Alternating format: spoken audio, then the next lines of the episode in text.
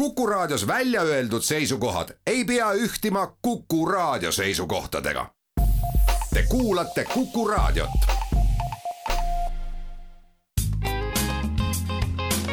ettevõtlusminutid. saadet toetab Eesti Kaubandus-Tööstuskoda tere, head Kuku kuulajad, eetris on ettevõtlusminutid ja me räägime täna sellest, kuidas luua oma ettevõte. mina olen Ingela Virkus ja koos minuga on stuudios Eesti Kaubandus-Tööstuskoja peadirektor Mait Palts, tere! tere päevast! millest peaks siis alustama, kui mul on soov oma ettevõte luua, et soovist iseenesest vist ju ei piisa, et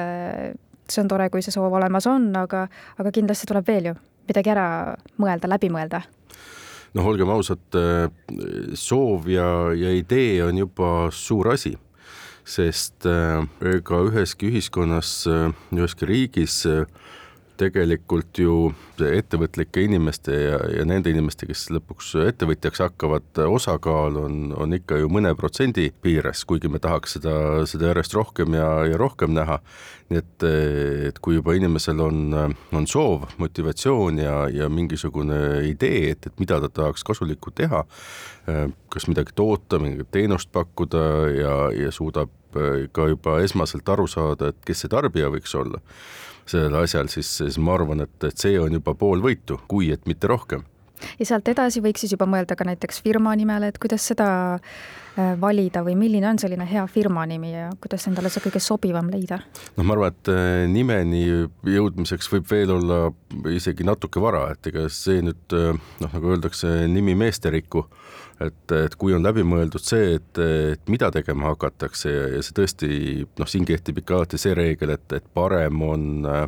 parem on üheksa korda mõõta, kui üks kord teha ja, ja ebaõnnestuda. et see eeltöö tegelikult on ka hästi-hästi tähtis, et mõelda läbi noh, millega teha, mis need ressursid on. Ja, kasvõi hästi lihtsasti, kui ei ole väga sellist põhjalikku teadmist noh,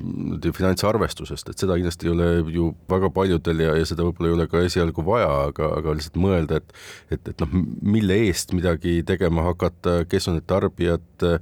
kui palju sellest teenib ja, ja võtta arvesse ka, ka maksuaspektid ja, ja veel sellised teatud põhiasjad ikkagi läbi mõelda ja kui see tulemus lõpuks annab siis sellise enda jaoks kindlustunde ja, ja positiivse tulemuse, siis muidugi, siis ei ole enam, enam ühtegi takistust äh, minna äriregistrisse ja, ja ettevõtte asutada ja, ja tänapäeval on ka, on ka see nii lihtne ja, ja lihtne ka seda nime seal, seal valida, et loomulikult on, on ju tore, kui nimi kuidagi äh, assotsieerub ka, ka selle tegevusega, mida teha soovitakse on, on selline silmapaistev, kõlav ja, ja võib-olla mõelda sealjuures ka selle peale, et kui soov võiks olla ühel hetkel ka kaubamärgina seda asja kaitsta, et kas, kas see nimi on siis seesama kaubamärk või, või midagi sinna juurde. et, et küll see saab, saab kõik tehtud kunagi lihtsalt oli kindlasti tean, on noh, erinevaid asju olnud, mille järgi on seda nime siis valitud, on, on ka, ka mõeldud, et kui on selline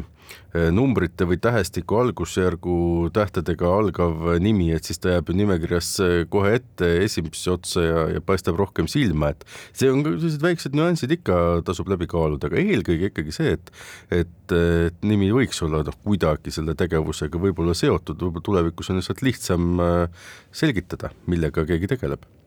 suuruse järgi jaotatakse ettevõtteid äh, mikroettevõteteks, väikeettevõteteks, keskmise suurusega ettevõteteks ja suurettevõteteks, et äh, kuidas need täpsemalt liigituvad, et kuidas inimene saaks seal vahel orienteeruda, et äh, mis ettevõte tal nüüd on? Noh, kui tähtis see muidugi igapäevapraktikas üldse on, et, et seda peaks nüüd vaatama nii palju, aga, aga üldiselt jah, sellises ettevõtlusstatistikas eristatakse siis tõesti mikrot, kus on üks kuni üheksa töötajat, väikeseid sealt siis edasi kümme kuni kuni kakskümmend viis ja, ja sealt üles niimoodi jupphaaval, et, et tavaliselt töötajate arv, peamine kriteerium on töötajate arv, aga siis ka käive ja ja, ja bilansimaht sageli sinna arvestusse võetakse, aga aga ma ütlen, et, et noh, see, see on pigem jällegi selline statistiline teema, et, et aru saada näiteks, kui palju meil on on riigis väikeettevõtjaid, mikroettevõtjaid või, või suuri, et seal ta mängib rolli ja, ja teinekord noh, kindlasti see suurus on oluline ka, ka võib-olla nii-öelda toetuste saamisel, kus just on, on nii-öelda sihtrühmaks äh, väike- või mikroettevõtted ja, ja suured on, on välja jäetud, et, et seal tasub neid kriteeriume kindlasti vaadata mis hetkel aga see tuleb ära otsustada või läbi mõelda, et äh, kas ettevõte on osaühing ehk OÜ, aktsiaselts, AS, et Eestis ongi ju levinumad ettevõtlusvormid OÜ, AS ning siis füüsilisest äh, isikust ettevõtja ehk siis FIE, et kuidas äh, seal tuleks siis orienteeruda? No see on vastutuse küsimus, et äh, eelkõige, et tõesti noh, täna on, on kõige levinum vaieldamatult osaühing. Neid on registris kõige rohkem. Ütleme, teiste osakaalud jäävad ikka väga sealt allapoole. Ja eks seal on oma, oma põhjused, et, et osaühingu asutamine on, on hästi lihtne, ta on nii-öelda piiratud vastutusega ühing, kui füüsilisest isikust ettevõtja vastutab sisuliselt ikkagi kõigega enda tegevuse eest, siis osaühingu puhul omanik vastutab piiratud ulatuses. Ja kui võrrelda sealt edasi aktsiaseltsiga või mõne teise ühinguga, siis, siis ma julgen arvata, et, et noh, osaühingu nii-öelda käigus hoidmine ja see bürokraatia, mis seal ühe äriühinguga igal juhul ju ka kaasneb, on, on üldiselt kõige mõistlikum ja, ja kõige nii-öelda talutavam tavapärase ettevõtluse jaoks, kus võib-olla tõesti ei ole ka soov saada avalikult kaubeldavaks või, või minna börsile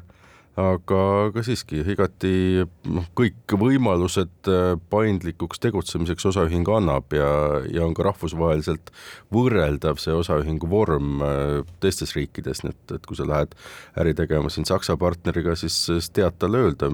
millega Eestis on tegemist ja tema saab ka aru, et, et mis, mis keha see siis nüüd ikkagi on, on ju, et, et ma arvan, et see tõesti on põhjusega kõige levinum Eestis saab firma luua endale põhimõtteliselt viie minutiga, mis selle viie minuti sisse siis täpsemalt jääb? jah, ega tõesti eh, puhtformaalselt eh, ühe äriühingu asutamine on eh, kiire ja, ja lihtne, kui seal ei ole nüüd mingisuguseid eritingimusi ja, ja kõik on, noh, ongi üks osanik, läheme äriregistrisse elektrooniliselt, teeme, teeme avalduse ära, siis see tõesti väga-väga palju aega ei, ei võta, kõik saab elektrooniliselt tehtud. noh ütleme, et, et lisaks sellele muidugi tavaliselt on, on veel ikkagi, ikkagi tegutsemiseks asju vaja, et et üldjuhul on ettevõttel vaja ka, ka pangakontot näiteks mille avamine võib olla siiski natuke rohkem aeganõudev ja, ja võib-olla on vaja ka pangakontorisse kohale minna ja ja, ja noh, tänapäeval äh, normaalne on ka see, et, et sa pead suutma ka siis pangas selgitada, et millega sa tegeleda tahad ja, ja kes sinu võimalikud äripartnerid on, ehk ka need äh, rahapesuriskid seal kindlasti mängivad rolli. Aga, aga noh, põhimõtteliselt tõesti juba, juba sellest hetkest, kui äriühing on, on nii-öelda loodud registrisse, õigusvõimeline siis, äh, siis tehinguid saab hakata tegema. seal on, ettevõttel on olemas siis juhatuse liikmed, äh, omanikud, nii et, et igati õigusvõimeline ja, ja noh, mõningatel juhtudel võib sellest juba, juba piisata, aga ma ütlen, et et sageli siiski on vaja vähemalt pangakontot ja, ja noh, mõnedel juhtudel on vaja võib-olla ka eritegevusala jaoks luba saada või registreeringut, et, et ka see olukord võib olla kui kallis võib olla siis äh, ettevõtte loomine, et seal on ju riigilõivud ja, ja mingid maksed juures ikkagi, et see pole lihtsalt nii, et teed internetis oma kodus kiiresti ettevõtte valmis ja nüüd hakkab muudkui äh, kasumit see ettevõte teenima? no selles olukorras, kus täna ei ole näiteks äh, võrreldes siin kümne aasta või enama aja taguse ajaga vaja, vaja reaalselt ka ettevõttesse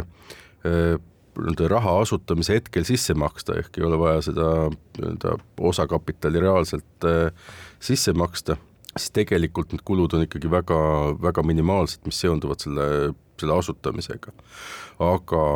noh, see on kogu asja, ma arvan, ikkagi tegelikult niisugune väiksem pool, et üks ettevõtja, kui ta soovib ettevõtlusega tegelema hakata, eks ta peab, peab läbi mõtlema ju tegelikult selle, et, et kui palju tal on seda algkapitali vaja, et enda tegevusega käima hakata. noh, võib-olla tõesti, et, et kui meil on mingi lihtsama teenuse osutamine, siis, siis seal ei pruugi olla midagi erilist vaja ja,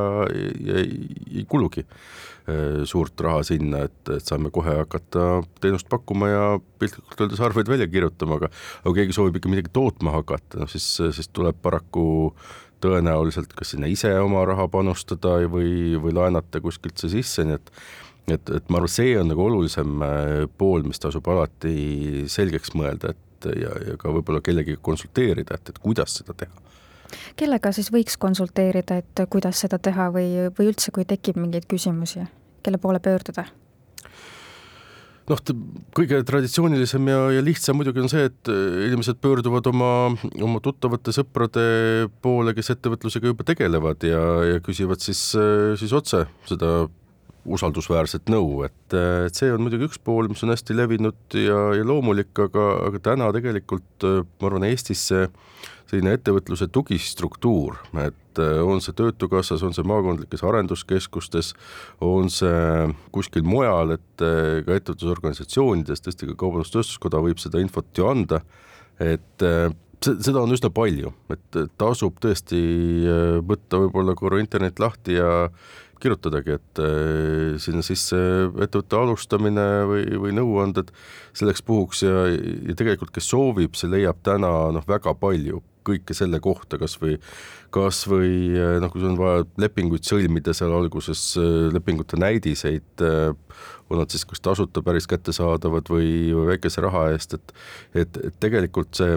see tugipool või, või võimalused täna võrreldes siin jällegi äh, aastatetaguse ajaga on hoopis teised ja, ja, ja need on igati soodustavad seda, et ettevõtlusega on lihtne alustada ja, ja ka neid riske seal maandada on, on täna oluliselt kergem, kui, kui varasemalt on olnud aitäh teile saatesse tulemast ja nõu andmast, Eesti Kaubandus-Tööstuskoja peadirektor Mait Palts ning palju jõudu ja jaksu teile! aitäh ja ettevõtlikku meelt kõigile! ettevõtlusminutid. saadet toetab Eesti Kaubandus-Tööstuskoda